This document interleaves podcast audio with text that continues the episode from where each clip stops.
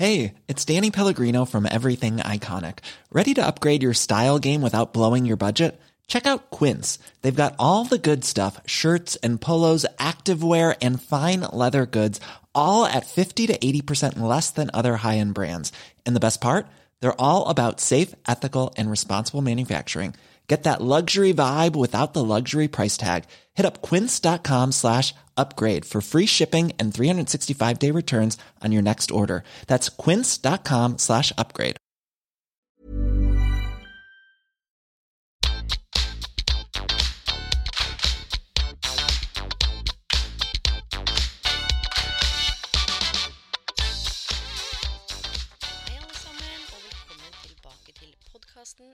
Karriereveiledning med Elaine.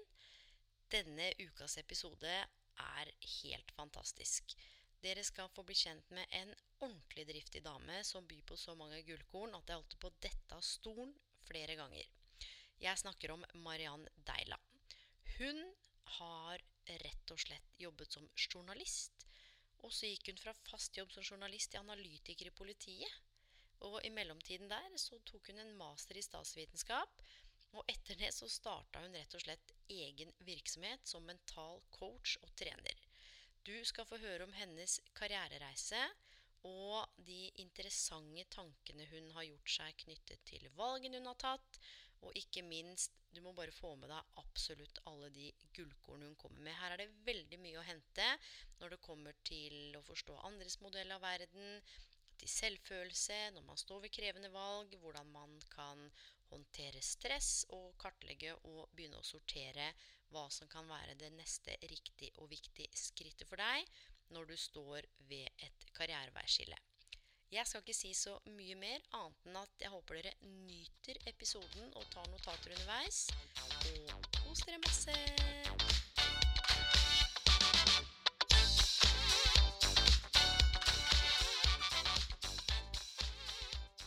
Hallo, Mariann. Er du der? Jeg er her. Ja, så bra. Du, tusen takk for at du ville være gjest. Jeg har gleda meg lenge, og følgerne mine har gleda seg. Så hurra og velkommen.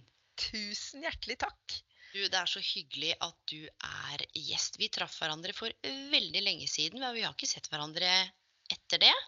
Nei, det er noen år siden nå. Ja, det er det, og jeg har gleda meg til å gjøre det karriereportrettet her. Men før vi setter i gang, jeg har jo gitt en introduksjon av deg, så folk har jo en sånn viss formening om hva du holder på med. Men kan ikke du gi oss en sånn kort oppsummering av hva du gjør akkurat nå, eller hva du jobber med? Jeg driver mitt eget firma i Porsgrunn, Ja. der jeg jobber som eh, mental coach og fysisk trener. Så jeg coacher eh, enkeltpersoner. Og trener mennesker i grupper fysisk.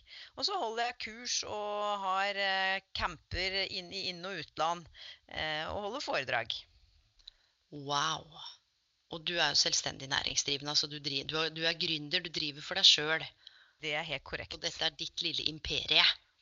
ja.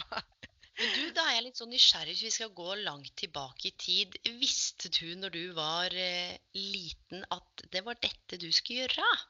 Nei, det Nei. visste jeg ikke. Hva hadde du tenkt eh, på skulle bli da?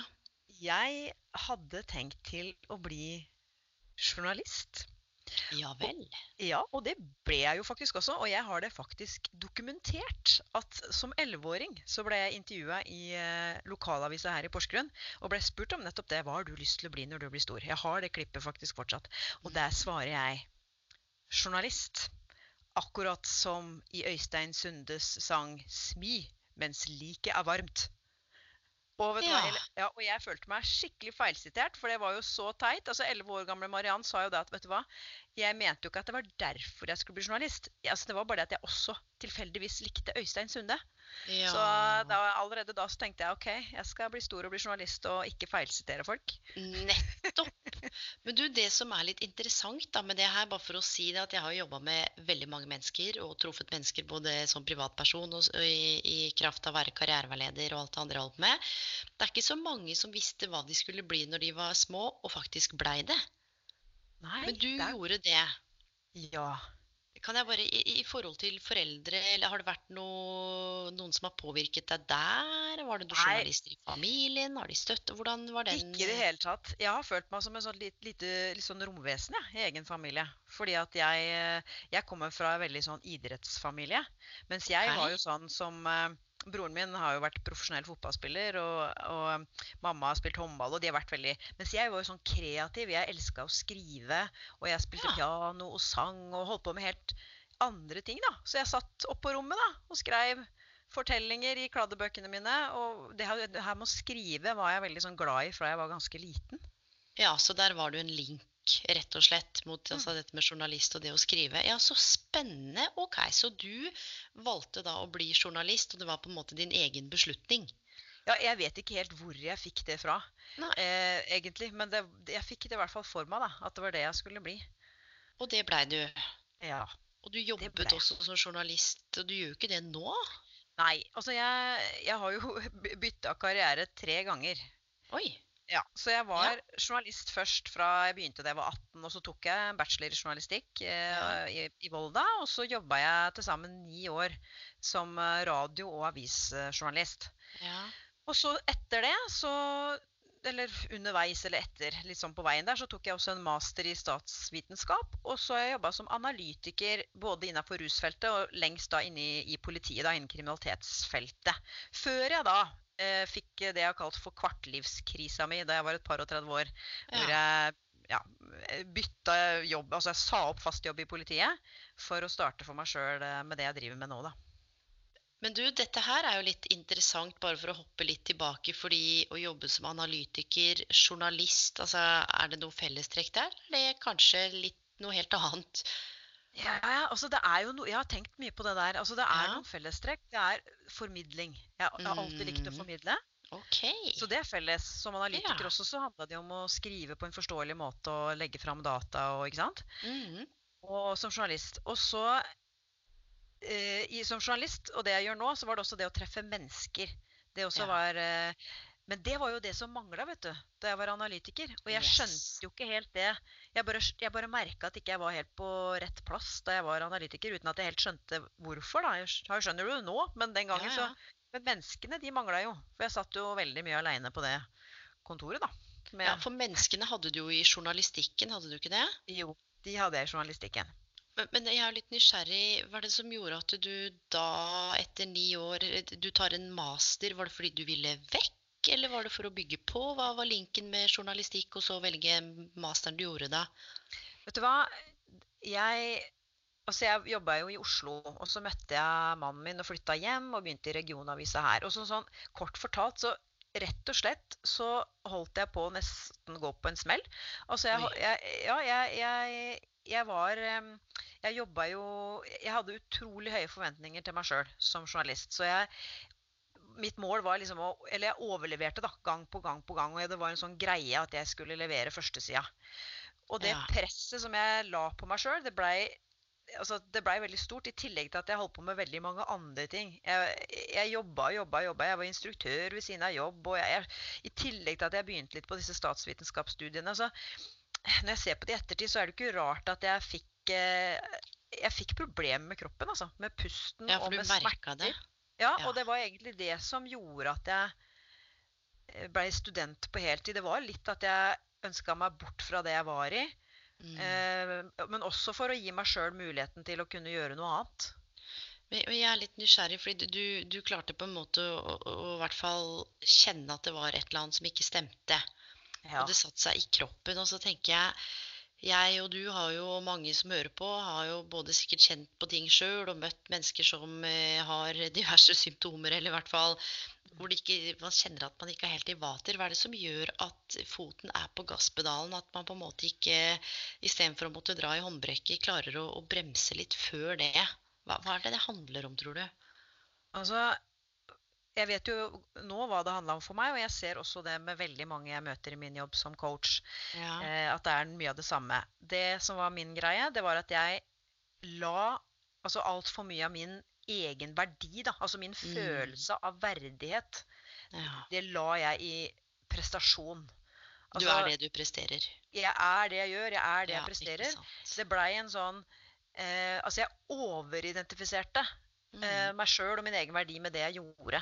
Som gjorde at det, det, var jo, det var jo litt sånn Altså, det var jo på en måte verdien min som nesten sto på spill. ikke sant? Hvis jeg Mm. ikke leverte sånn som jeg forventa av meg selv, da. Ja, og er det, ikke, er det ikke en sånn slags følelse man kan bli avhengig av? Jo, det, for det, det, det blir jo det. For det er jo sånn rush, ikke sant. Så jeg var veldig Yes! Og det, og Yes. det er det Akkurat der satt du ord på det.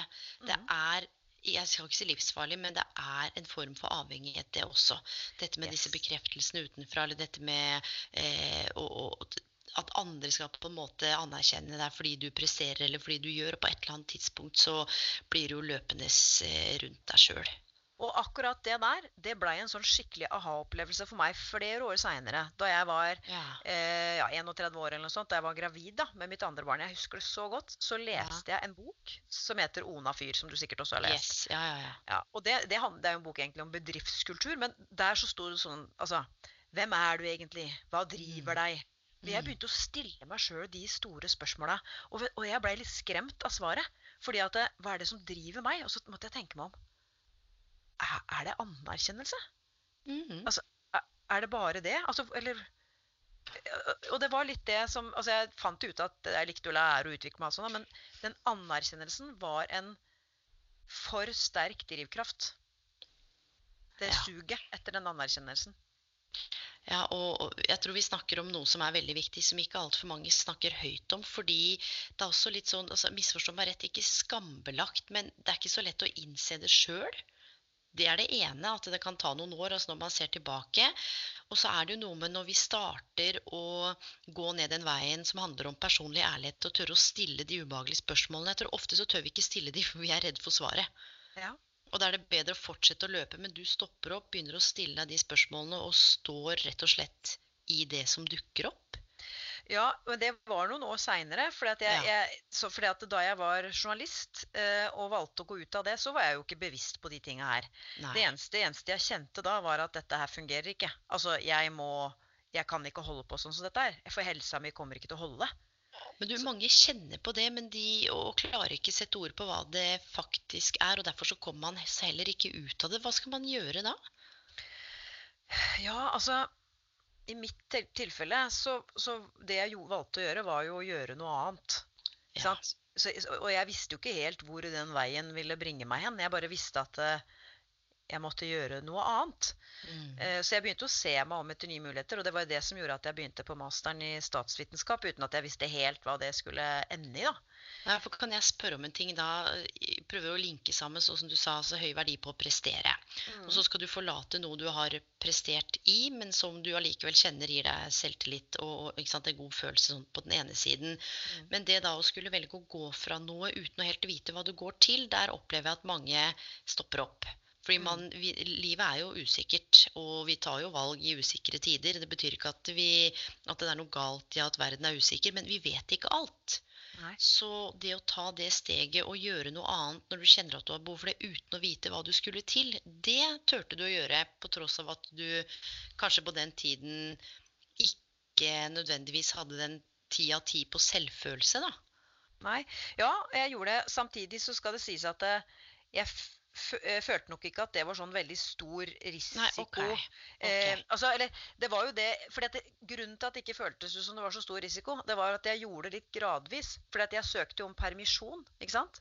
Ja fra jobben som journalist. Mm. Mhm. Og så tok jeg jo en master som var relevant for journalistikken, så jeg kunne jo gå tilbake igjen. Ja, for det var det jeg også var litt sånn nysgjerrig på, den masteren og den sammenhengen med journalistikken. Men det at det er relevant, er, gir jo selvfølgelig ett et ekstra bein. Det gjør det, men så, så var det jo sånn at i løpet av For det, er, det var jo veldig sånn identiteten min, ikke sant, å være journalist. Ja, ja, ja. Sånn som det er for mange, at det var sånn Jeg Mm. er, jeg er, jeg er hva jeg gjør. Ikke sant? Litt sånn. ja, ja. Og, og jeg hadde jo reaksjoner. Kollegaer rundt meg var litt sånn Nei. Altså når jeg sa at jeg ville gjøre noe annet, så var det sånn Nei, du kan jo ikke det. Du kommer jo tilbake igjen. At, men jeg kjente jo det at når jeg var nesten i mål med den masteren ja. altså, jeg, da, altså da ble jeg satt skikkelig på prøve med tanke på hva jeg skulle gjøre etterpå. Eh, og jeg sto ved en korsvei hvor jeg måtte ta noen skikkelig vanskelige valg. Okay. Fordi det som da skjedde, det var egentlig litt sprøtt. For at det var så sprøtt at det skjedde på én gang. Men jeg fikk altså tre jobbtilbud på én gang. Oi. Yes. Og grunnen til at det var litt spesielt, var at to av de jobbtilbudene det var lederstillinger i media. Altså Det ene var en redaktørstilling, og det andre var en redaksjonssjefstilling. Ville du ha hatt lyst på de hvis du hadde spurt tilbake noen år? Yes, Det var, okay. var jo liksom det jeg så for meg. Ja. At eh, seinere så skal jeg bli leder i media. Eller bare sånn. Ja. Ja. Og, og så var den tredje, det tredje jobbtilbudet var analytikerjobb. Ja. Og da var det sånn Da var det jo den delen av meg som søkte anerkjennelse. ikke sant? T Mm. Tenkte jo oi, bli, journal- altså, blir leder Oi, det er jo veldig status, og det er sikkert veldig mange som kommer til å synes at det er kult, liksom, hvis jeg blir det. Mm. Mm. Mens jeg bare kjente så mye motstand. Altså det bare hele Altså magen min, magefølelsen min bare skreik nei. Så, så jeg måtte, selv om jeg, det var ikke sånn at jeg umiddelbart skjønte hva jeg skulle gjøre, jeg måtte jo tenke meg litt om, men jeg kjente jo at det, det var ikke det jeg skulle. Det var ikke media som var min videre vei, og da blei det den analytikerjobben, da. Ja, men jeg er samtidig litt nysgjerrig når du sto ved dette veivalget eller det veiskillet. Altså, snakket du med de rundt deg, eller løste du det sjøl? Altså, hvordan håndterte du det? Jeg snakka nok ikke veldig mye med Jeg snakka jo nok med mannen min, men jeg, jeg bare husker det som at jeg måtte lytte innover. Jeg tror ikke jeg ville involvere så veldig mange. fordi at Siden jeg hadde spurt kollegaer i journalistikken, da, så hadde jeg liksom tenkt at eh, altså de kommer jo til å orientere seg ut ifra sin modell av verden og ut fra sitt ståsted, ikke sant? Og da vil, da Si litt mer om det, for, for de som lytter. Hva tenker du på når du sier altså, at man orienterer seg ut fra sin modell av verden? Hva, hva betyr det? Jo, altså Hver og en av oss, vi, vi orienterer oss ut ifra vår egen, altså våre egne minner, vår egen bakgrunn, våre egne erfaringer, våre egne holdninger og Mhm. verdier, og ambisjoner, ikke minst. Sånn at hvis jeg hadde spurt noen kollegaer i journalistikken om råd, så ville jo de sagt ja, men du må jo nødt til å ta den der redaksjonen. redak redaksjon... Altså, jo, det er du klart du må gjøre det. Du kan jo ikke la det gå fra deg. Mm. Selvfølgelig. For at, så det var jo sånn de tenkte. Sånn at Mm. Så jeg, jeg, jeg sjekka nok mer inn med meg sjøl der og kjente bare at ja, jeg kan ikke gjøre det. For at helsa mi Jeg bare merka at jeg hadde ikke lyst. Jeg tror jeg hadde ikke heller tro på at jeg skulle klare at helsa mi var ikke god nok. Nei, og akkurat det der er så modig, fordi veldig mange søker råd utenfor seg selv. Og det er ikke noe galt i det, det er overhodet ikke det det er snakk om. Men dette med å orientere seg utover og innover, altså der er det jo en eller annen balanse. For det er jo til syvende og sist jeg og du og dere som lytter, som skal leve ditt liv og planlegge din egen, eller skape din egen karrierevei. Mm. Så hvordan skal man på en måte vite når man skal stole på seg sjøl, og når man skal søke råd, og på en måte ta inn over seg de rådene man får? For jeg tenker at en nøkkel her er jo kritisk tenkning. Mm. Men samtidig vite at de fleste vil jo deg vel, men du ville nok anbefalt at man orienterer innover først? Eller hvordan, hvis du skulle gitt et, et godt tips til de som lytter nå, da, som kanskje står ved et veiskille, som jeg vet det er veldig mange som lytter gjør? Ja, altså, jeg tror på dette av hele mitt hjerte. Og det er at hver enkelt person har sine egne svar, og har også Mm. ressursene i seg selv til å finne, finne sin vei. Ja. Så jeg tror absolutt det er lurt å høre på andre, men jeg tenker at det er noe med å velge de med omhu. ikke sant? De du rådfører deg med. Og Mm. først og fremst lytte innover først, og så med en ekstern sjekk. Ikke sant? Altså kjenn etter inn først, og så rådfør deg med noen som du har tillit til, og som du kanskje vet at kan stille deg de viktige spørsmålene tilbake. Ja. Og det er akkurat det. For én ting er å komme med masse råd, det er ganske lett å gjøre. Men det å være den som stiller de gode spørsmålene til det mennesket som kommer og søker rådene, det gjør mer nytte noen ganger enn å bare hive ut et par sånne velvalgte fraser. Mm. Sant? Og sette Ja. i gang tankeprosessen. Um, jeg syns jo dette her er fryktelig interessant. fordi hvor gammel var du da når du orienterte deg innover, holdt jeg på å si, når du sto ved det veiskjellet? Da var jeg 27, tenker jeg. Ja. Vil du si at eh, alder spilte en rolle, tror du? Nei, ikke så veldig mye. For jeg har tatt noen sånne valg før òg, som har vært eh, litt Jo, litt spiller selvfølgelig. Litt spiller jo alder en rolle. Det gjør det. Men samtidig så har jeg nok vært litt sånn internt orientert, altså, tidligere. Og jeg Mm. sa jo nei til fast jobb i NRK som 23-åring. Ja. For å, si, for å bli, være vikar i VG. Altså, jeg husker han der sjefen som spurte meg, han bare Eller han, eller han, som- han sa det, det, er- ingen som takker nei, nei til fast jobb i NRK. Jeg bare Jo, jeg gjør det. Ja men, ja, men det er så interessant, fordi det jeg liksom lytter etter nå, det er jo noen sånn form for mønstre, sant? At du har jo stort sett vært, vært selvstendig, da, som du sa, fra du var liten, og du holdt på med litt andre ting, og så eh, velger du å si nei, og så velger du å gå videre. Altså, og det er jo kanskje tegn på at du, du har vært orientert innover lenge. Jeg har nok det. Og så har Mhm. ikke jeg vært sånn veldig trygghetssøkende. Nei? Fordi, fordi at eh, moren min er jo det.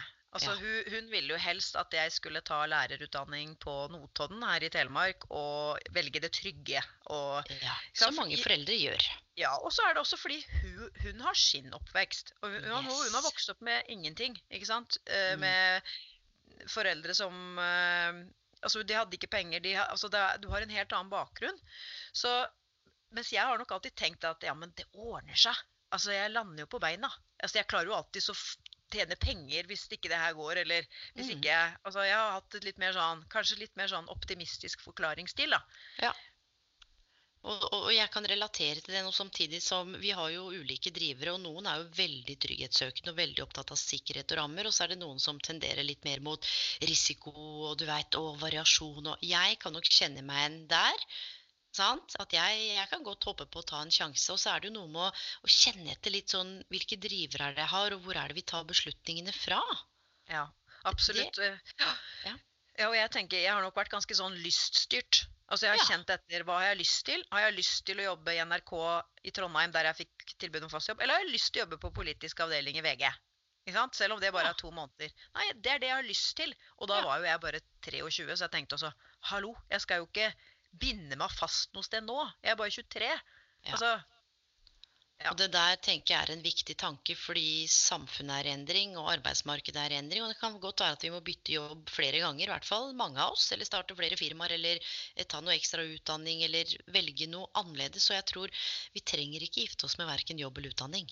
Det er en fleksibilitet og en mulighet til å velge, men jeg opplever at mange unge, som jeg har sagt tidligere, føler så enormt press på at man skal figure everything out før du omtrent har gått ut av videregående. ja, det Det jeg- gjør meg så vondt. Ja, og, det, og jeg har også har jo en del, har jo hatt en del kunder også som er yngre, eh, som coach, da, eller hvor det har vært eh, Ja, hvor vi har snakka en, del om- en del om de tinga der. Så det er det der Mm. med å, å, å, å fokusere på hva som egentlig er ressursene dine, da. Ikke? Mm. Fordi at det, det handler jo ikke om at du må gjøre én ting eller ta én utdanning, men det er noe med å sant? For eksempel i mitt tilfelle, da. Hva er det som er universelle egenskaper som jeg da har hatt, som går i Mm. flere yrker? Det er jo det å formidle.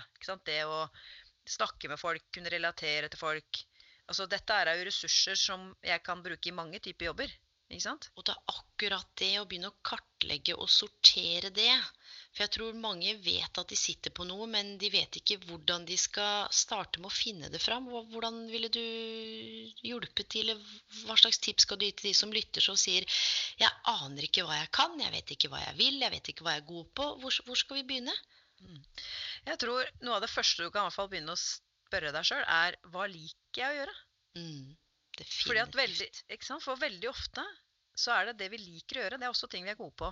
Mm, Så, eh, og så er det også noe med i den jobben du er i, da, sant? Hva, hva er det du liker best i den jobben? Og hva er det ved de oppgavene som tiltrekker deg? Eh, og det, hvilke egenskaper krever det av deg? Mm. for å kunne utføre disse oppgavene? mm. For der tror jeg du kan finne noen svar. Ja, og der kan man jo også trekke overføringsverdi til andre bransjer eller andre yrker. Og nettopp som du sa med journalistikken, og så var det statsvitenskap, og så var det en link der, og så takker du nei til de to jobbene, gjør du det? Det gjør jeg. Og så ender du opp med å være analytiker. Ja. Hva, hvordan opplevdes det, da? Først var det veldig behagelig, for at det var jo det, det var det jeg og min kropp og syke og helse og alt sånt tenkte. Selv om en del av meg var litt, var litt i sorg. For på det tidspunktet så var jeg ikke så optimist. På det tidspunktet så tenkte jeg Jeg tenkte faktisk at OK, jeg har et stort potensial som jeg antagelig ikke kommer til å få tatt ut. Jeg tenkte det, fordi at jeg hadde Oi. så mye smerter i kroppen min. Oi, oi, oi. Og, og, og det var nesten litt sånn OK, nå må jeg bare på en måte liksom innstille meg på at jeg skal leve et roligere liv. Og jeg skal jobbe på et kontor, jobbe åtte til fire. Eh, og leve et roligere liv. Men når du tenkte det, eller sa det til deg sjøl, altså, var, du, var kroppen din var, var du i samsvar? Altså, du hadde vondt, ja, som du sa, i kroppen, men var det noe i deg som kjente at det er ikke helt sånn det skal være? Ja, på en måte, men jeg, jeg tror nok at det første steget, Elaine, var aksepten for at jeg var der Ja. jeg var. Det å bare erkjenne at sånn er det nå. Det er akkurat nå. Så er det sånn. Så Men jeg også frykta jeg kanskje at liksom Altså når jeg var i mitt pessimistiske hjørne, at kanskje sånn må det være for alltid. Men, det, men en del av meg hadde vel også en åpning for at ja, men dette kan endre seg. Men nå må jeg i hvert fall ta hensyn til kroppen min sånn som det er nå. Ja. Eh, og så blei det første steget Det blei en brobygger, ikke sant. For det var jo Mm. noen år, noen år senere at, eh, at, jeg, valgte, altså at jeg valgte å bytte karriere igjen. Men da var jeg i en fase av livet hvor det var riktig, og jeg fikk barn. Jeg fikk jo to barn i løpet av de åra her. Ja. Og, som var veldig bra for kroppen min. Og så var det mange ting som skjedde. Jeg begynte å trene styrke. Jeg roa Mm. ned livet generelt. Ja. Og det å få barn, det satte jo livet i perspektiv. Ja, det jeg ble du nok si. mindre opptatt av Ja, jeg ble mindre opptatt av Jeg fikk flere ting å være opptatt av enn å liksom skulle prestere. Ja, og, og du, du sa noe kjempe Du sa noen ting som var sånn gullkorn eh, når vi snakka sammen tidligere. Altså, du sa det, det var riktig til det ikke var riktig. Så, så det var på en måte riktig for deg å gå fra journalistikken, ta den masteren, og så velge en jobb hvor du kanskje ikke fikk utnytta potensialet ditt akkurat der og da, selv om du fikk brukt noen av sidene. Men det var i hvert fall for en periode at det var det første steget, og det tror jeg mange ikke tenker på Ja. at det er greit i et halvt år eller et år eller to år hvis det er det kroppen eller psyken eller noe i deg som gjør at ok, dette er kanskje ikke drømmejobben nå, men det er det jeg trenger. Vet du hva, og akkurat det, og også det der med aksept, det er jeg veldig opptatt av. det med Mhm. Altså, for hvis du aksepterer at ok, sånn er det akkurat nå, eller Ja. dette er riktig for meg akkurat nå, Yes. så aksepterer du ikke utfallet av noe. Du bare Nei, nei. aksepterer sånn som det er nå. Hva Mm. som skjer om et år, eller et, et halvt år, eller om fem år, det vet, det vet vi jo ikke. ikke sant? Nei, og jeg tror mange lever litt i det gapet mellom sånn er det akkurat nå. Jeg skulle ønske ikke at det var, altså jeg skulle ønske at det ikke var sånn her. Jeg skulle ønske at jeg hadde den jobben, eller levde det livet, eller var det mennesket, eller Og så står man i det spennet, skjønner du, akkurat som en sånn hund som driver og graver, og så kommer man ingen vei fordi man ikke har akseptert at dette er sånn det er nå. Så Mm. kan man jo planlegge 'jeg skal hit på sikt', eller Eller kanskje bare stå i det å være der akkurat nå for en periode. Ja. At det roer ned litt. Grann, fordi jeg opplever at mange jager, og det er hustle and bustle, og vi løper fra det ene til det andre. Og dette med aksept, det er litt sånn long lost. Mm. Eh, enig. Og, og det å akseptere, det er ikke det samme som å omfavne eller ikke, Du trenger ikke å like det engang.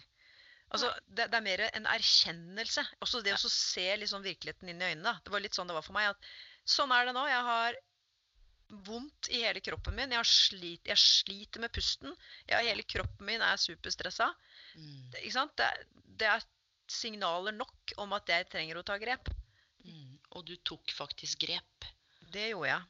Ja, og det er det jeg også ønsker med disse karriereportrettene, for det kommer så utrolig mye rett fra levra nå. Dette, vi har jo ikke noe manus igjen, nå sitter vi bare og snakker, og jeg håper virkelig at eh, noen kanskje kjenner seg igjen. Altså, jeg håper ikke at folk kjenner seg igjen, men at dette her kan være en slags form for inspirasjon, at man får en ny tanke. Og kanskje du som lytter nå har behov for å kanskje høre om aksept, da. For, det, for veldig mange som jeg snakker med, tenker at aksept det er å like å gi opp. Det er ikke, Skjønner du? Sånn sant? det er jo å resignere. Yes! Mm, Og det er jo ikke det. Det er ikke Det det. er jo ikke det. Men du, hvor, hvor lenge jobba du som analytiker, da? Hva, hva, hvor, eller hva gjorde det for deg? Ja, jeg jobba med det i Hva det var, da? Jeg fikk jo to barn, da. Ja. Så jeg, det var vel i fire, fem, fire og et halvt år, kanskje? Noe sånt? Ja. Ja. Og mot slutten der, visste du at du skulle videre, eller var det sånn Nei, nå stikker jeg. Hvordan Det som skjedde, det var Ja. at jeg begynte å kjenne en voksende eh, kløe, kan jeg nesten kalle det. Det var sånn kløe av, av litt sånn Jeg var ikke helt tilfredsstilt. Det var noe som ikke stemte. Okay. Selv om jeg hadde veldig flotte kollegaer og eh, sånn, så var det noe Altså, i jobben som ikke stemte, og at jeg egentlig kjeda meg litt. Altså Etter det første året i politiet så var det, da var det kjempespennende, for det var så mye nytt å lære. Men når ting begynte å bli litt sånn rutine, så var det sånn OK, hallo, her sitter jeg med den flotte jobben. Den eneste analytikerjobben i Telemark politidistrikt. Det er liksom fast jobb, godt betalt, bla, bla, bla. Men allikevel så var jeg ikke helt fornøyd. Nei. Og så kulminerte den her prosessen. For at det, altså, det starta jo med at jeg begynte å stille meg de store spørsmåla. Jeg, jeg leste den boka, Mm. eh, fyr, og liksom Og det begynte jo egentlig ja, et år før, da. At jeg liksom lurte på hva er det, hvorfor jobber jeg egentlig med det jeg gjør? Hva er grunnen til at jeg er her? Liksom? Hva er det med det å være analytiker som driver meg? Og jeg, jeg sleit jo med å finne gode svar. ikke sant? Mm. Det var litt tilfeldig. Og så eh, at jeg hadde havna der. Og så et år etter så hadde jeg, Det var når jeg kom tilbake igjen fra permisjon med mitt andre barn, så husker jeg at jeg hadde vært på jobb i Skien. Det var en sommerdag. Det var så kjedelig på jobb. Og jeg kom hjem, og så bare ringte jeg til venninna mi, så sier jeg Ingvild, nå må du bare Altså, jeg må, finne, jeg må finne ut av det her. Jeg må finne ut av hva jeg skal gjøre med livet mitt.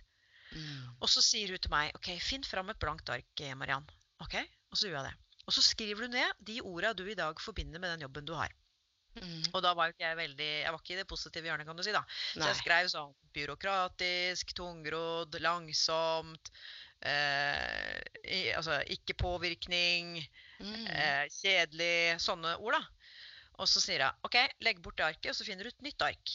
Og så skriver du ned hva du vil ha. Mm.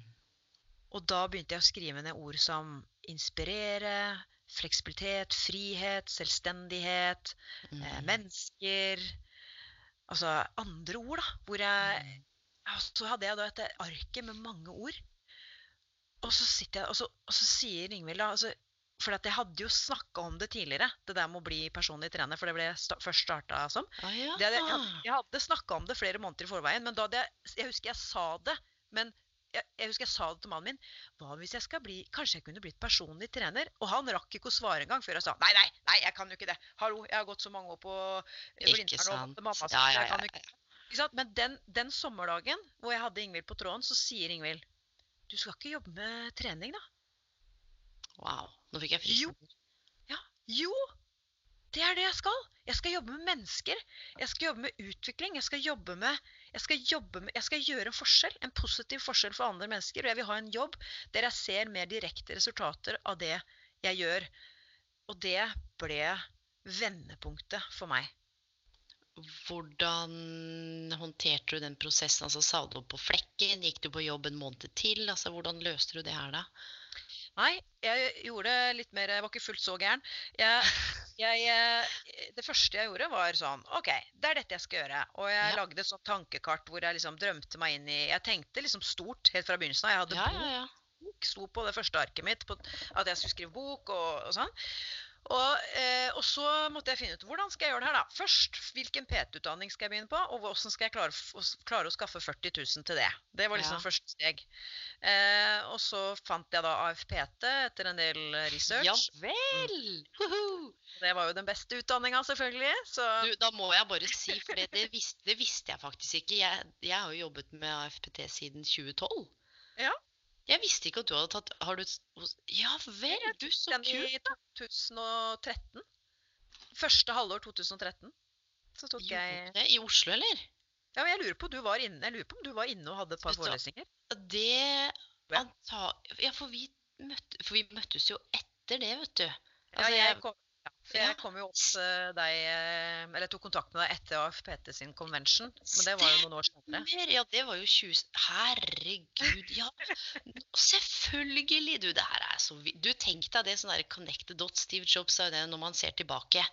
Hvordan alt henger sammen med alt. Ja, det er veldig artig. Så det, og det jeg gjorde da Jeg jobba egentlig ræva av meg, jeg gjorde det, men det var verdt det. For jeg, jeg hadde Det jeg gjorde, var at jeg jobba i politiet. Og så tok jeg PT-utdanninga ved siden av. Og hadde to barn.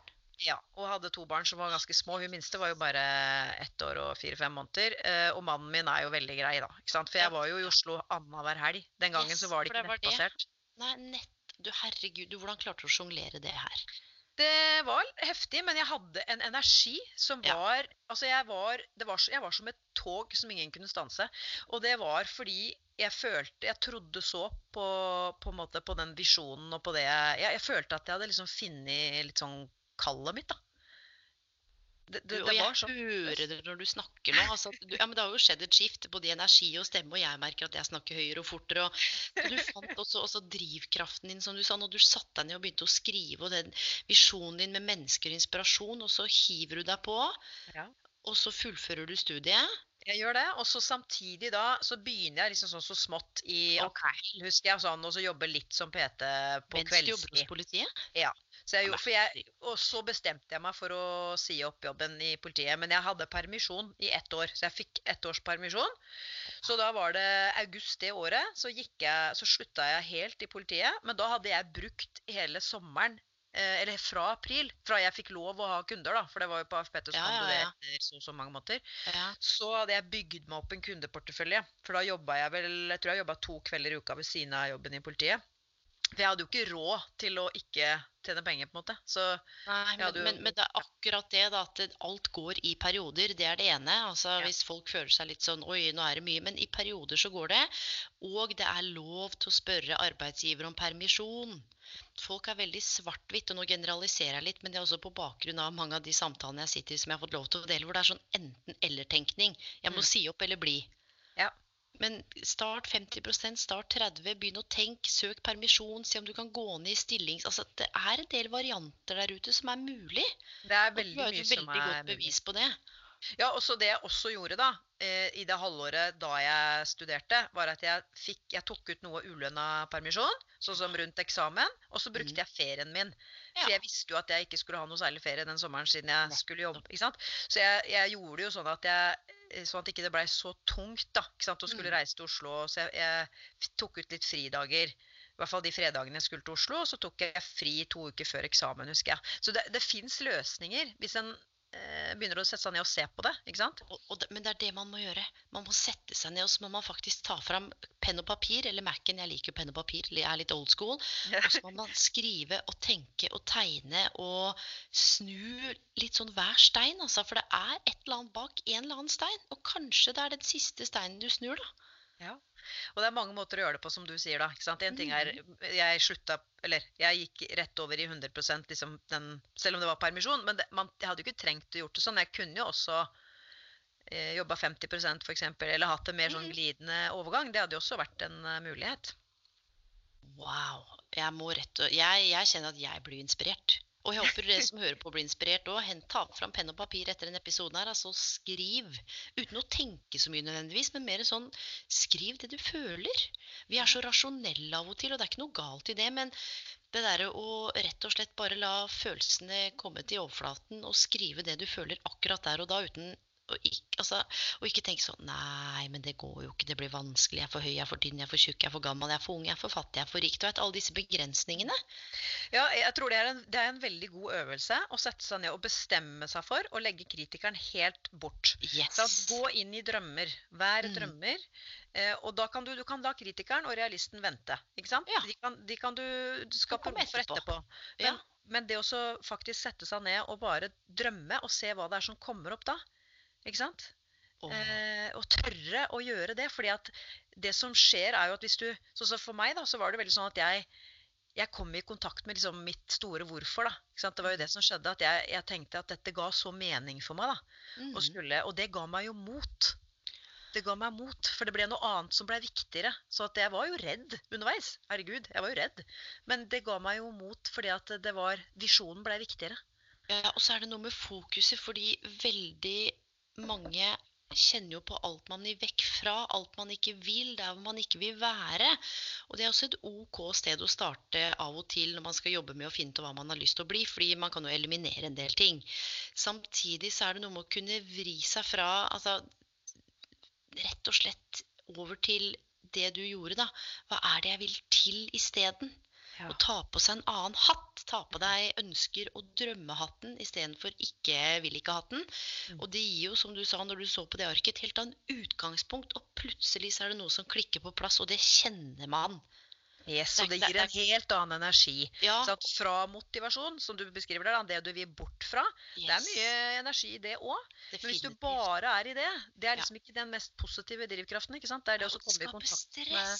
Yes, komme i kontakt med det, det, du, det som gir deg positiv energi. Som driver deg framover. Og- du ble jo definitivt drevet, framover. Du sier opp, starter 100% som personlig trener. Og når var dette her? Hvem årstall er vi nå? 2013. Ja, ok. Og så bare tar businessen av, eller hva er det som skjer? For det er jo, det er jo gått noen år siden det. Ja, det gikk veldig bra, det, altså. Eh, Men det, hadde, det skal sies, jeg hadde jobba som instruktør Ja. i Porsgrunn i flere år. Ja. Så jeg hadde allerede et navn i treningsbransjen her i området. Jeg starta ikke helt på scratch. Nei. Så eh, jeg fikk jo veldig mye å gjøre som PT. Og så skrev jeg jo min første bok, 'Prosjekt Sterk'. Jeg har gitt ut to bøker, 'Prosjekt Sterk' og 'Tren der du er'. Veldig bra bøker. For det. Og Mm. det er jo bøker som kombinerer mental og fysisk trening. Da. Så jeg var jo helt fra starten av veldig opptatt av det mentale. Men, men jeg måtte begynne ett sted. Jeg, jeg, kan ikke begynne, du kan jeg, kunne, altså, jeg kunne ikke begynne med begge deler på en gang. Og da var det mest naturlig for meg å begynne med det fysiske. For Ja. der hadde jeg allerede en ballast. Og jeg hadde veldig stor interesse for å ta den utdanninga. Jeg syntes det var dødsgøy. ikke sant? Mm. så fant jeg jo ut ganske fort at for min visjon eh, Altså, det som driver meg, det er jo Jeg elsker å se andre lykkes. Jeg elsker å se at andre finner sine svar, og at jeg ønsker jo at mine kunder skal bli selvstendige. Jeg, jeg hadde ikke noe ønske om at de skulle være avhengig av meg som Nei, nei, deres nei. PT. Ikke sant? Mens det jeg så, det var jo at eh, jeg mangla verktøy. Det var ikke nok å bare stå og gi gode råd om hva de skulle spise og trene. Jeg fant ut at det var ikke nok. Fordi at det var noen som Så fort jeg var ute av bildet, så falt de tilbake i gamle Ja, ja, mønstre. ja. Og det var jo det som leda meg inn på det mentale og det å utdanne meg som coach. Fordi jeg fant ut at eh, hvis jeg skal klare å tilrettelegge da, for varige endringer i andres liv, Mm. så eh, da er det mentale det er liksom en, det er nøkkelen, da. Vet du hva, det er jeg så enig i, og dette her tenker jeg er ekstremt relevant innenfor karriere, og valg av karriere også. Ja, Det er jo det, det er jo det. Det er mindset. men det snakkes det. ikke så veldig mye om. Man er mer opptatt av valg og utdanning og studier, og, men det mentale aspektet ved det å stå i sin egen karrierevei, Mm. det blir ikke alltid snakka så høyt om. Jeg tenker at det er helt essensielt, fordi at eh, det er jo Altså eh, Essensen, liksom. Ja, det er jo det. Det er jo hvem, altså, hvem er du, og hva vil du? Ikke sant? Ja. Altså, Og hva og at- kan du?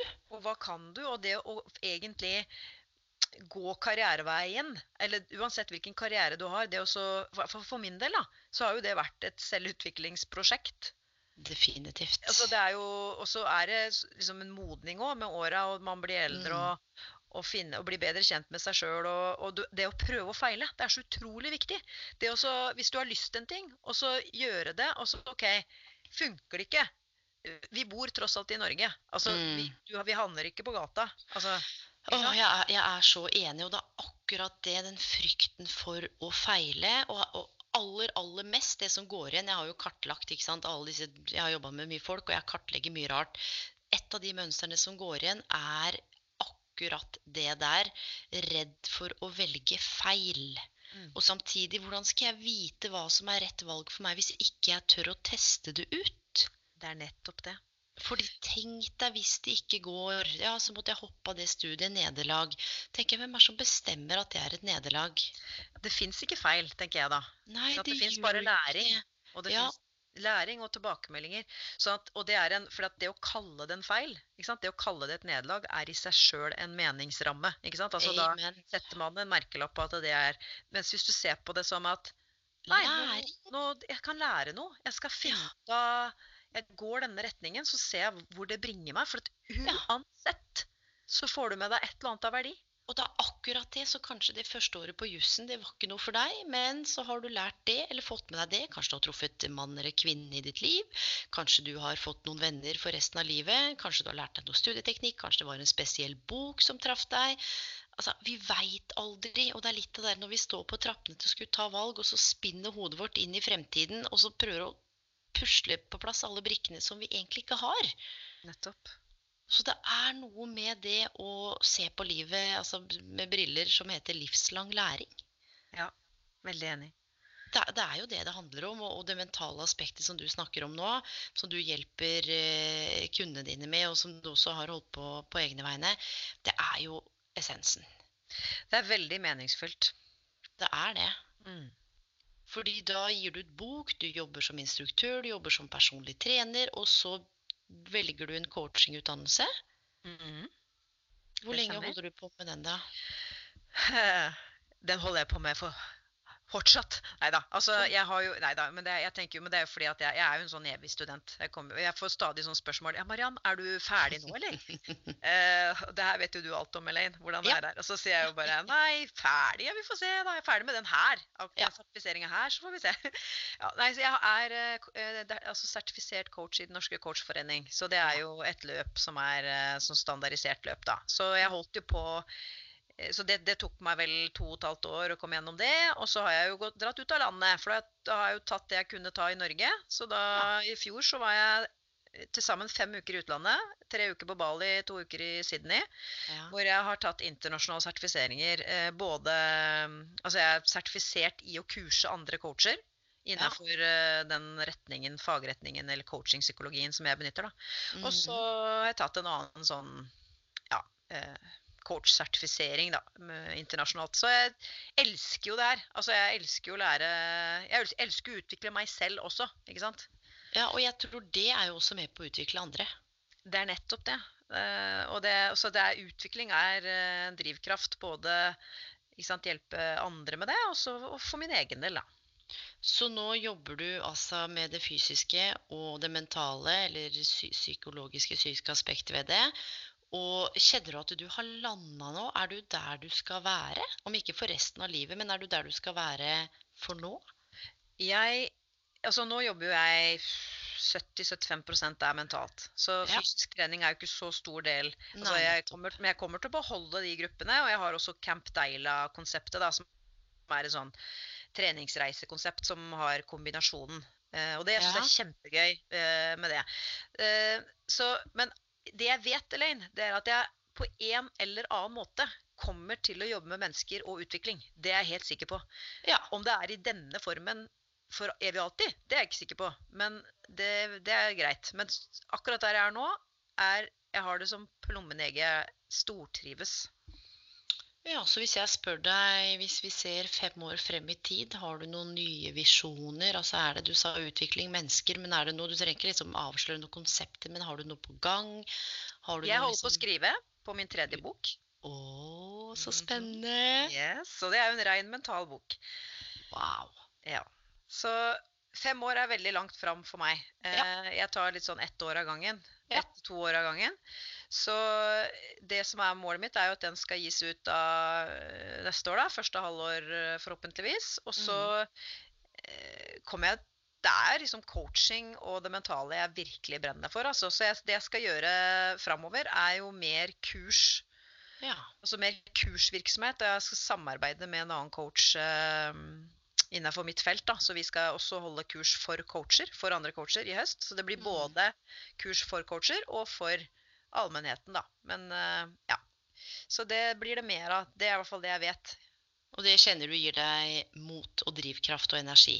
Ja, Jeg syns det er kjempegøy. Jeg syns det er utrolig gøy å undervise.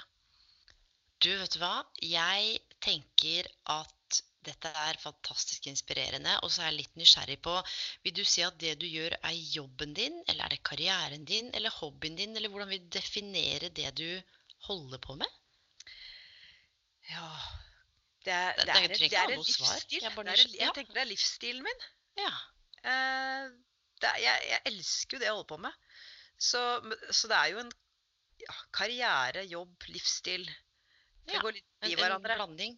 Ja. Men du, er det noen på veien din som du har lyst til å takke eller som har støtta deg ekstra eller inspirert deg. For av og til så pleier jeg å si at det er greit å finne noen som heier på deg når du står ved ulike veiskiller eller skal ta valg. Og det er ikke alltid alle som har eh, hundrevis av folk som heier på de. Det holder kanskje bare med én eller to. Men er det noen du kjenner sånn Han eller hun vil jeg takke. Altså, sånn som Ingvild, da, som, som faktisk hadde den øvelsen. Men er det noen andre hvor du kjenner sånn Takket være det eller det mennesket, så fikk jeg en liten dytt, eller så følte jeg at jeg fikk litt ekstra troa. Altså det er to personer som jeg ikke kunne gjort dette her uten. Uh, og det er Ingvild, som du nevnte, Ja. og Bjarne, mannen min. Så det er to sånne bautaer. Ja, og mannen min, han er Altså, han er helt fantastisk, og han eh, Han har alltid hatt så troa på meg og på det, de valgene jeg har tatt, og støtta meg. Mm. Altså, det er fordi at det har jo krevd litt for familien, ikke sant? Det, Yes. og, og, ja, det, og det at sånn som i fjor, når jeg er fem uker i utlandet det, Og han driver jo også for seg sjøl. Oh, ja. Så, ja, så, så han er helt fantastisk. Og jeg kunne aldri gjort dette her uten han. Veit den eller, Mariann? Ja, han, jeg tror han vet det. Jeg prøver å huske å si dette ganske ofte. Ja, for jeg tenker på det noen ganger. og Jeg pleier ikke å være sånn kjempelig. Jeg har ikke vært hittil sånn veldig privat eller personlig, fordi det har jo stort sett handla om gjestene eller konkrete temaer. Men eh, Kirby, samboeren min, han, eh, jeg kan kjenne igjen han i Bjarne. Uansett hvilke ville påfunn jeg kommer med, så støtter han meg og sier vet du hva, vi prøver, jeg skal hjelpe deg, jeg kan produsere, jeg skal finne ut av det. Jeg vet ikke hvor mye han har googla og produsert og prøvd og klippa og fiksa og herja og styra for å rett og slett bare støtte meg. Så Og det tror, er fantastisk. og Ja. det er ikke noe sånn Nei, du, jeg tror det blir litt vanskelig. Jeg skal jo ha et webinar, webinar nå i slutten av mars. Aldri gjort det før. Han bare Ja, men det finner vi ut, da. Og han har satt i gang å gjøre re... Og det bare sånn Så lurer jeg på hvis jeg hadde vært med noen som var sånn Nei, jeg tror ikke det går. Det blir vel litt vanskelig. Og nå har jeg fått en sønn, eller vi har jo fått et barn i tillegg, og det krever jo ekstra akkurat nå, for han er jo runde i året snart. Men hvor viktig det er å være bevisst de støttespillerne man har, og samtidig ikke nødvendigvis kvitte seg med dårlige støttespillere, men å vite litt hvor man skal gå. ja. For Det er så viktig. Ja, fordi jeg, du, du sa noe som var så interessant i stad, som jeg hadde bare lyst til å trekke fram. Og det var jo helt tilbake hvis du på en måte hadde spurt disse journalistkollegaene dine om, om når du sto ved den korsveien, da, om du skulle ta den leder- eller den redaktørstillingen, um, så ville de orientert seg ut ifra seg sjøl. Ja. Og jeg opplever kanskje at både Bjarne og Kirby orienterer seg så godt de kan ut ifra oss, hvis du forstår litt hva jeg mener. Jeg det kan være at det blir ekstra så jobb, enig. og det blir krevende, men at det er en sånn egen evne til å faktisk så godt det lar seg gjøre, sette seg i den andre sko da, og tenke at ok, jeg tar en for laget. Mm. Og det Ja, og så er det noe med at det også skaper jo raushet andre veien, ikke sant? Yes. Altså, for det, og det er det som er så fint. Eh, så vi heier jo på hverandre. mm. Og det er akkurat det, da, å finne noen som kan heie på deg, men som du også kan heie på tilbake. Ja. Og det er jo og det å skape rom for det, om det ikke er en partner, eller om det er en bestevenn, kanskje det er en kollega eller en perifer en på eh, Facebook i Taiwan, liksom. Men det er det å ha en eller to da, som, som ser verdien av deg bare fordi at du er deg. Det er nettopp det. Og, Det jeg er en, nøkkel. Men det er igjen det er viktig å presisere at det er ikke alle som opplever at de har noen. Og det er ikke den eneste faktoren for å på en måte propelleres videre. Det er viktig å få fram. Nei, og, og så var jeg jo kanskje veldig bastant når jeg sa det er aldri klart uten de. Altså, jeg, jeg vet jo ikke hvordan det hadde vært uten deres støtte, men det Nei, nei. føles sånn at også, altså, Det føles jo veldig Jeg tror ikke det hadde gått i hvert fall i det tempoet hvis ikke jeg hadde Nei. hatt de. ikke sant? Så vi kommer jo litt tilbake til det der med å våge å, å lytte innover og stole på seg selv. Og eh, som du sier, da, hvis du i tillegg da søker deg til mennesker som du eh, har tillit til, og som du tenker at vil Mm. ditt beste, og som har en evne til å se ting fra ditt ståsted, så er det selvfølgelig et pluss å kunne ha noen å støtte seg, eller ha, ha noen som heier på, seg, heier på en, da. Ja, fordi jeg, jeg skal bare si en ting, og, og kanskje du kan relatere eller klare å, å avmystifisere dette litt for meg. Fordi jeg sa jo opp, jeg jobba jo som avdelingsleder, vet du. Masse ansvar og var ikke måte på. Men så sa jeg opp i 2016. Og Eh, stort sett så var responsen, bortsett fra liksom de to-tre nærmeste Fattern mista jo alt håret han hadde og fikk jo hjerteinfarkt omtrent. ikke sant? Fordi herregud, hva skal jeg gjøre nå med billån og hus? Og du veit hele greia. Eide leilighet og Og jeg sa det, jeg vasker gulv, jeg, hvis det er det om å gjøre. Jeg jobber på natta, jeg gjør det som skal til, for jeg kan ikke være her lenger. Altså jeg kjente at nå må jeg videre. Eh, veldig mange syns at dette var en fryktelig dum idé. Ikke sant? For det er jo ofte sånn herregud, tenk deg den jobben og statusen og økonomien. Og, og så er jeg litt nysgjerrig, fordi det jeg opplever at jeg klarte å kartlegge, var at deres respons handlet aldri om mitt valg. Mm. Det handlet jo om dem selv, i og med at Ja. de orienterte seg ut ifra seg selv. Så begynte jeg å bli veldig nysgjerrig på hva gjør at eh, jeg klarer å elisitere den samme reaksjonen gang på gang, som ikke handler om wow, go girl, men mer sånn oi, var det så lurt, har du tenkt deg om, du er litt gæren. Og vet du hva? Til syvende og sist, når jeg virkelig begynte å rote rundt dette og virkelig begynte å grave, så handla det om om ikke en form for misunnelse, men et ønske om at det mennesket som satt eller sto for meg, skulle ønske at de hadde det motet til å gjøre noe sånt nå.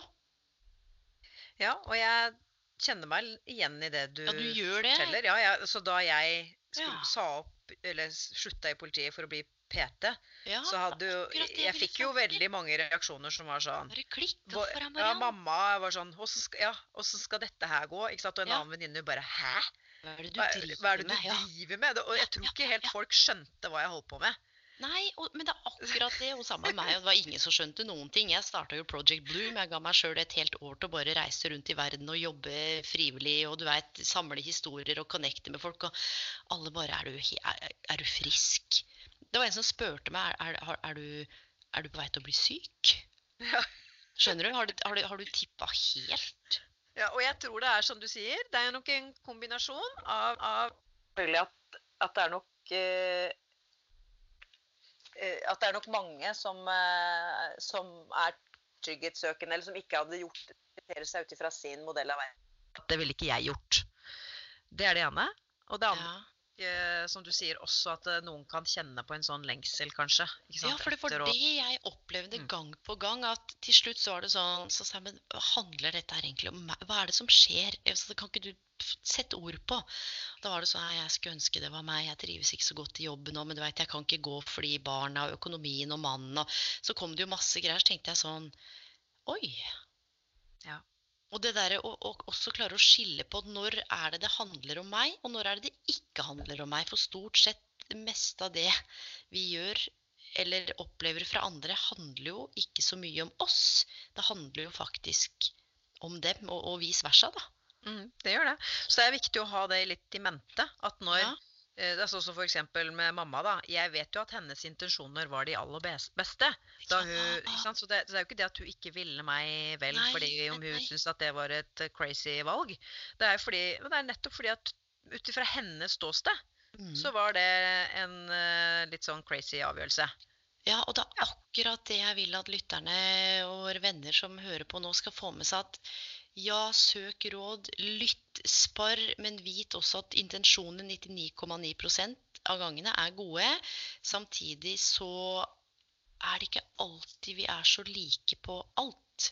Spesielt ikke den generasjon pappa blir 82, mamma er 72. Hun jobba i samme selskap i 50 år. Pappa fikk aldri muligheten til å utdanne seg, veldig lang historie. Så han har jo vært overopptatt av at jeg skal utdanne meg, for han tror at det er den eneste måten å få et godt og trygt liv på, for du har noe å falle tilbake på. Nettopp.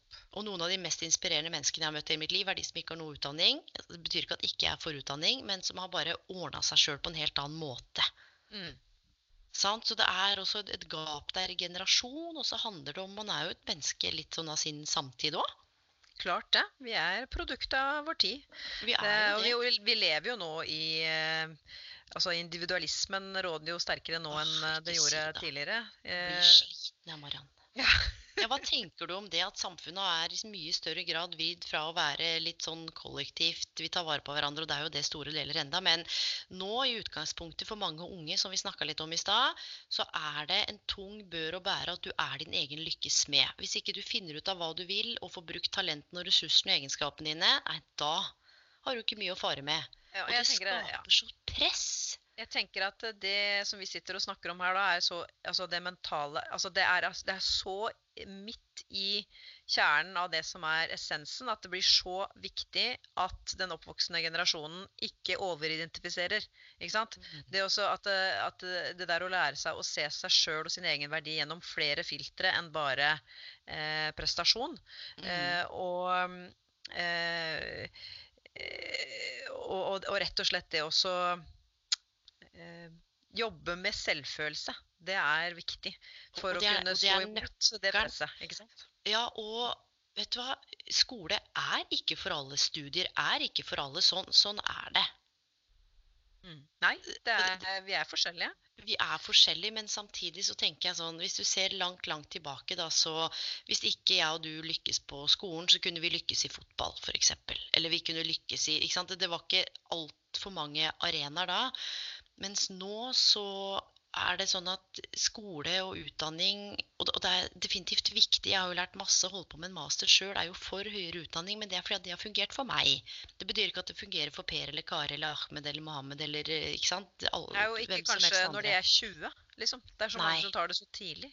Men, men om du da ikke lykkes på arenaen som heter skole eller utdanning, og samfunnet har blitt såpass individualisert, og jeg personlig, dette er bare min mening, syns jo til en viss grad at skolen er veldig strømlinjeforma.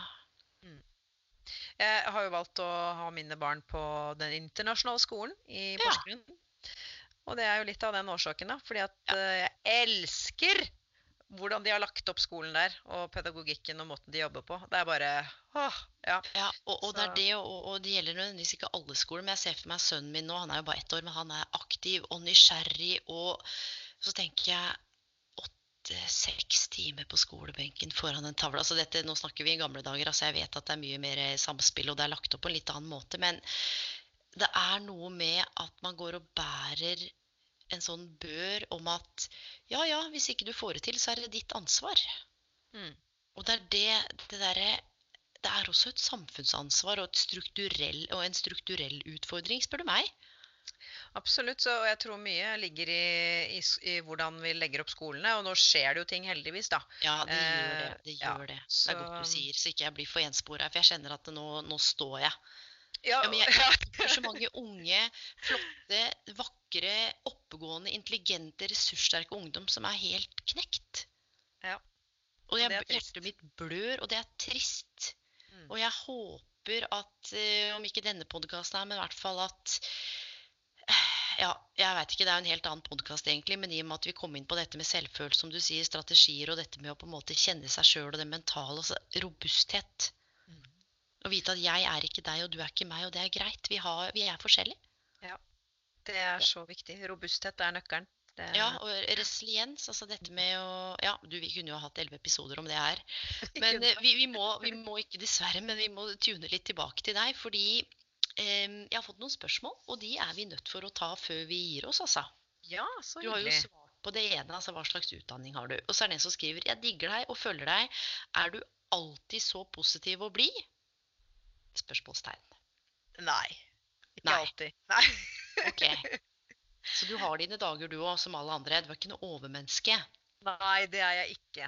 Eh, Jeg, eh, altså jeg vil, mannen min Bjarne han er faktisk nesten alltid positiv og blid. Jeg skjønner ikke åssen det går an. Eh, så, men jeg er ikke det. Altså jeg kan svinge mer i humør og bli litt stressa og Jeg er jo stort sett positiv, altså det er ikke det, men jeg, men jeg har mine dager. Jeg har det. Ja. Og er jo trening er jo beste medisin, egentlig. Ja, for det er et annet spørsmål. Hvis du har tøffe dager er, Jeg vet ikke om de her har snakka sammen. Jeg. Skal vi se. Hvis du har tøffe dager, hvordan er det du snur tankene dine? Og det er sikkert fordi at eh, jeg ser de følger deg og vet at du holder på med det mentale. Hvordan er det du snur tankene dine, eller hva gjør du? Ja. Eh, ja, altså fysisk aktivitet er jo en litt sånn utafra og inn måte å gjøre det på. Det er veldig et veldig tilgjengelig verktøy, det å også bruke kroppen. Når jeg, noen ganger så jobber jeg også aktivt mentalt, og det jeg gjør da, er at jeg identifiserer Altså først tenk, altså hvis jeg, jeg kan ofte, hvis jeg kan kjenne på liksom en stressfølelse eller eh, et eller annet som plager meg, da, så eh, er jo ikke det gjerne Det er gjerne ikke én rein følelse. Det kan bare være en sånn uro eller ikke sant? Så er det det der å Mhm. klare å identifisere hva er det som egentlig har trigga meg. Hvordan Hva- gjør du det, da? Nei, da må jeg tenke meg om, da. Altså sånn Jeg, jeg kan uh, komme med et eksempel. Ja. Uh, For eksempel, altså jeg, det var i sommer, så var jeg på ferie, og så kjente jeg at jeg var skikkelig stressa. Og så husker jeg husker så godt, jeg var på stranda, og så klarte jeg ikke å bli kvitt den uroen. Og det var ikke bare én ting. altså Det begynte med eh, Det begynte egentlig på morgenen. altså Jeg måtte tenke når er dette her begynte? Det begynte med noe så banalt som at eh, jeg var misfornøyd med håret etter at jeg hadde vært hos frisøren. ja. Og at jeg hadde sendt en tekstmelding om, til frisøren, og så hadde jeg litt dårlig samvittighet for det. Fordi at eh, Jeg vet ikke, jeg følte litt på at liksom, jeg ikke var fornøyd, da. For Ja, ja. hun er jo kjempeflink frisør, så det var ikke det å gå på. Uh, hun var jo helt topp og sa at ja, ja, det ordner vi. Og så, og så var det noe greier med jobb. altså Det balla på seg. Det var flere ting som gjorde at det begynte med det. Og så, altså Poenget er at jeg gikk opp spora. Jeg tenkte, hva var det som skjedde? Så gikk jeg opp sporet, og så, ja, og så var det, det var et eller annet i forbindelse med jobb, en e-post jeg hadde fått, som jeg også liksom som, Og så var det mange ting. Og så det jeg satt ned, satt meg ned og skreiv følelsen, mm. og så tanken jeg hadde om det som hadde skjedd. Og det i seg selv, bare å få Mhm. plassert det, ga meg ro. Ja. Ikke sånn med en gang. altså Først liksom måtte jeg bare plassere det. Og så eh, gikk jeg og gjorde noe annet, og så merka jeg at det forsvant. For, og da, da, Jeg snakker da om hvis det er sånn følelse som ikke gir slipp, og som er veldig plagsom. Noen ganger så er det bare det å gjøre noe annet som kan hjelpe, men i dette tilfellet så hjalp det meg rett og slett å analysere hva, hva det begynte med, og ikke minst hva er det jeg tenker om det som skjedde, ikke sant, som gjør at jeg føler den følelsen. Mm. For det er jo fordi jeg tillegger det en eller annen mening, ikke sant? Og der tror jeg du eller ikke tror, vet at det er en viktig hovednøkkel. For ingenting betyr noen ting med mindre vi gir det mening. Det. den Nei, nettopp. Nettopp. Fordi nettopp. jeg kan jo si «Å, Marianne, jeg syns du er stygg, og du kan si Elaine, jeg syns du er dum. Og så tenker jeg ja, ja, det er jo din mening. Ja, det, er, det er ikke noe mer enn det. Men Nei. hvis jeg tar med meg den og tenker å herregud, og så får den spinne, og så får den feste seg, da er det gjort, vet du. Mm. Så det, så det er en viktig liten sånn obs-obs. Altså, hva er det du ilegger mening, da? Andre folks eh, ord, eller hva du tenker at andre tenker om deg. Eller det er ganske mye ubevisste mekanismer som slår inn, som, hvor vi ilegger mening til noe som kanskje ikke vi hadde trengt å legge så mye mening i, da. Det er nettopp det. Og det er faktisk et sånn type liksom kontrollspørsmål som, du kan, som man kan stille seg sjøl. Det er sånn mm. Hvis du klarer å identifisere hva som har trigga deg ikke sant? Mhm. Altså, Kanskje det er noen som sa noe. Yes. Så OK, nei, det var Han sa det. Og så stiller jeg sjøl spørsmålet Hva er det jeg tenker om at han sier det, sant, som mm. gjør at jeg får den følelsen? Mm. For det er da, og da er det kanskje sånn Nei, da tenk om han har rett. Tenk om han ikke liker meg. Mm. Eh, ja, hva hvis han ikke liker deg? Hva tenker du om det som gjør at du blir Nei, da betyr det at jeg ikke er god nok. For da hører du sjøl dine egne tanker. Mm. Og så liksom, ok, hvor sannsynlig er det, er det på en skala fra 1 til 10? Eller, eller hva annet kan det bety at han Ja. sa det? Som Nettopp. jo. Ikke sant? Så da kan du bli litt kritisk til hva du sjøl tenker, da. Ja, og så er det noe med å gå bak, da. Og hvis jeg ikke er god nok, hva, liksom, og hvordan dette her spiller seg ut. Alle disse scenarioene i hverdagen over tid. Mm. Og ikke minst hvordan det påvirker eh, karriere. Du, dette her var veldig, det var veldig, veldig godt med et eksempel. Og jeg har et annet siste spørsmål før du skal få lov til å dele ditt beste karrieretips. Og det er følgende, skal vi se her. Om du ikke hadde gjort det du gjør i dag, og kunne velge fritt, hva annet ville du ha gjort? Da må du rett og slett legge bort det du holder på med nå, Mariann. Og hvis du skulle bare sånn på tampen gjort noe helt annet. Åh, det var vanskelig. Mm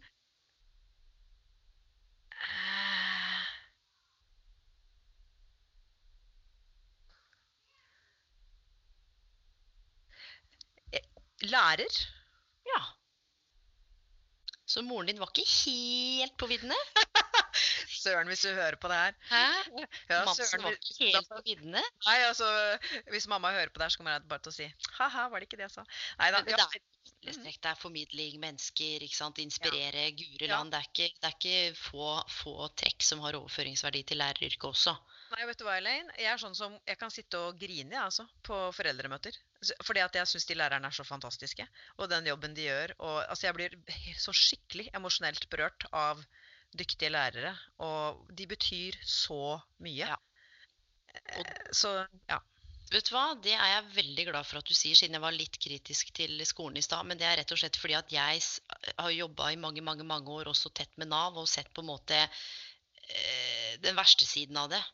Jo, men det er, det er systemet, ikke sant? Ja, Og så er det jo enkeltpersoner ja, i systemet. Det blir noe annet. Liksom, for at systemet er én ting, og så har du disse individene som er i systemet. og som Det er jo så mange fantastiske Ja, det er det, og jeg er så glad for at vi på en måte kan avrunde med det, for det er jeg helt enig i.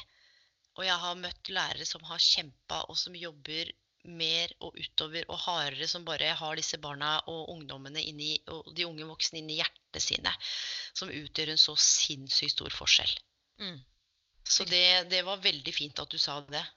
Nå, nå, du minte meg på det. Det, det jeg var litt enspora i stad. Det var litt morsomt at jeg ikke altså Det spørsmålet har jeg ikke fått før, så det var uh, Nei, men, men det som er så fint med det, er jo kanskje at ingen har stilt det, eller du ikke har fått det rett og slett fordi at Nå er det jo spesielt også på rett hylle. Og ofte hvis vi er på rett hylle, så bruker vi jo ikke masse tid på å tenke ja, hvis jeg ikke, hva skulle jeg gjort da? Men uh, det var et par sekunder med stillhet, altså. ja, Og så kom jo lærer. Ja. Fantastisk. Du Mariann, nå skal vi avslutte, dessverre. Men vi har snakket i en time og syv minutter.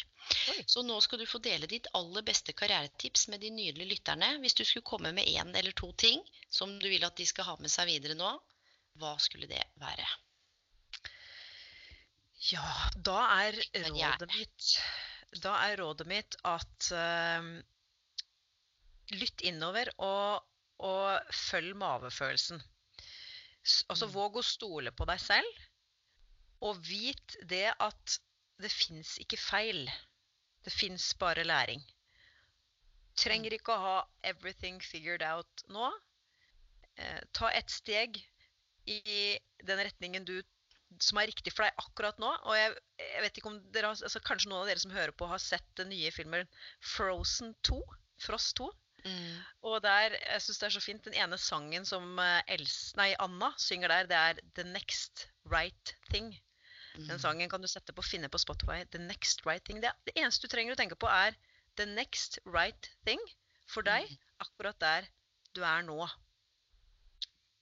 Viktig, viktig. Vi blir jo gjerne overvelda, sant? Ja, og, det, og, det, vi trenger ikke å se ti år fram i tid. Så det er noe med det å ha tillit til at Mm. veien går seg til mens du går. Ja, og, og, og sånn, bare avslutningsvis for å plukke opp det du sa med å stole på seg sjøl. Det er lett å si, og jeg skjønner hva du mener, både kognitivt og emosjonelt. Men hvordan stoler man på seg selv, Mariann? Altså, jeg, jeg tror de to tinga henger sammen. Altså, hvis du, hvis du tenker at eh, du skal bare ta det neste steget Mm.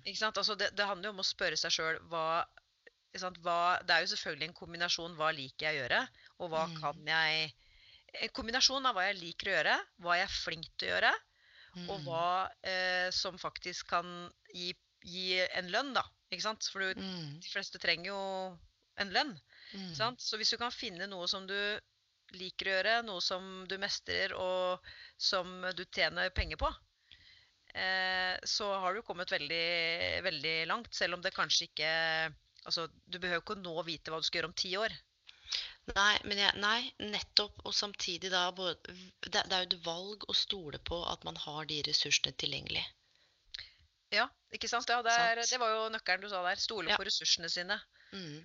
Mm, Det er- det sine. Det er en grunn til at du liker det du gjør. Det er en grunn til at du blir dratt i en eller annen retning. Altså, det er noe der. Utforsk det. Ja, og så eh, bare sånn På tampen så har jeg lyst til å si eh, For det er forskjell på selvtillit Mm. og mestringstro. Altså På engelsk så sier vi self-confidence og self-efficacy. Mm. Og det, jeg synes det er viktig å kjenne forskjellen til, på, fordi at det, selvtilliten din det, den er jo helt betinga av hvor mye du har øvd på en ting. Sant? Og Mm. hvor mye erfaring du har. Sant? Mens mestringstro altså det Mm. handler mer om å bare ha tillit til at jeg kommer til å finne ut av det. Så, så, så hvis du skal begynne i en ny jobb eller ta en ny sjanse, da, så, treng, så er ikke nødvendigvis selvtilliten på topp. For at den, den øves jo opp over tid. Men det er det å Mm. ha troen på at jeg har egenskapene til å lære det jeg trenger å lære. Og til å finne ut av det jeg trenger å finne ut av. Mens jeg går. Mm. Åh, det, her er, eh, det her er som å høre nydelig musikk. Mariann, tusen, tusen takk for en helt eventyrlig episode. Før vi gir oss helt, kan du fortelle lytterne hvor de kan finne ut mer om deg? Hva, hvor er du på Instagram? På nett? Hvor er du? Ja, jeg er jo, har to kontor på Instagram, men den, den nyeste, den som jeg bruker mest og er mest aktiv på, det er rett og Ja. slett at Mariann Deila. Ok. Ja, og det er den, den er mental. Og så har jeg en annen som heter uh, at Mariann Deila underscore trening. Så det er de to, da. Så det er en for fysisk og en for mental trening. Og så har jeg en nettside som Ja. som heter bare marianndeila.no. Rett fram. Og der står det mer om meg og tjenestene mine og Mm, mm, mm. diverse. Nydelig. Artikler òg. Det ligger mange artikler der. ja, for du har jo selvfølgelig skrevet. Du har jo skrevet. Men mine venner, eh, har dere noen tilbakemeldinger til meg eller Mariann, så vet dere hvor dere finner henne. Dere vet hvor dere finner meg. Eh, tusen, tusen takk, Mariann. Jeg, eh, ja, jeg kjenner at jeg har en god følelse nå. Selv takk, Elaine. Dette var veldig hyggelig. Åh, ha det fint så lenge, og takk til alle dere som lytter. På gjenhør. Ha det!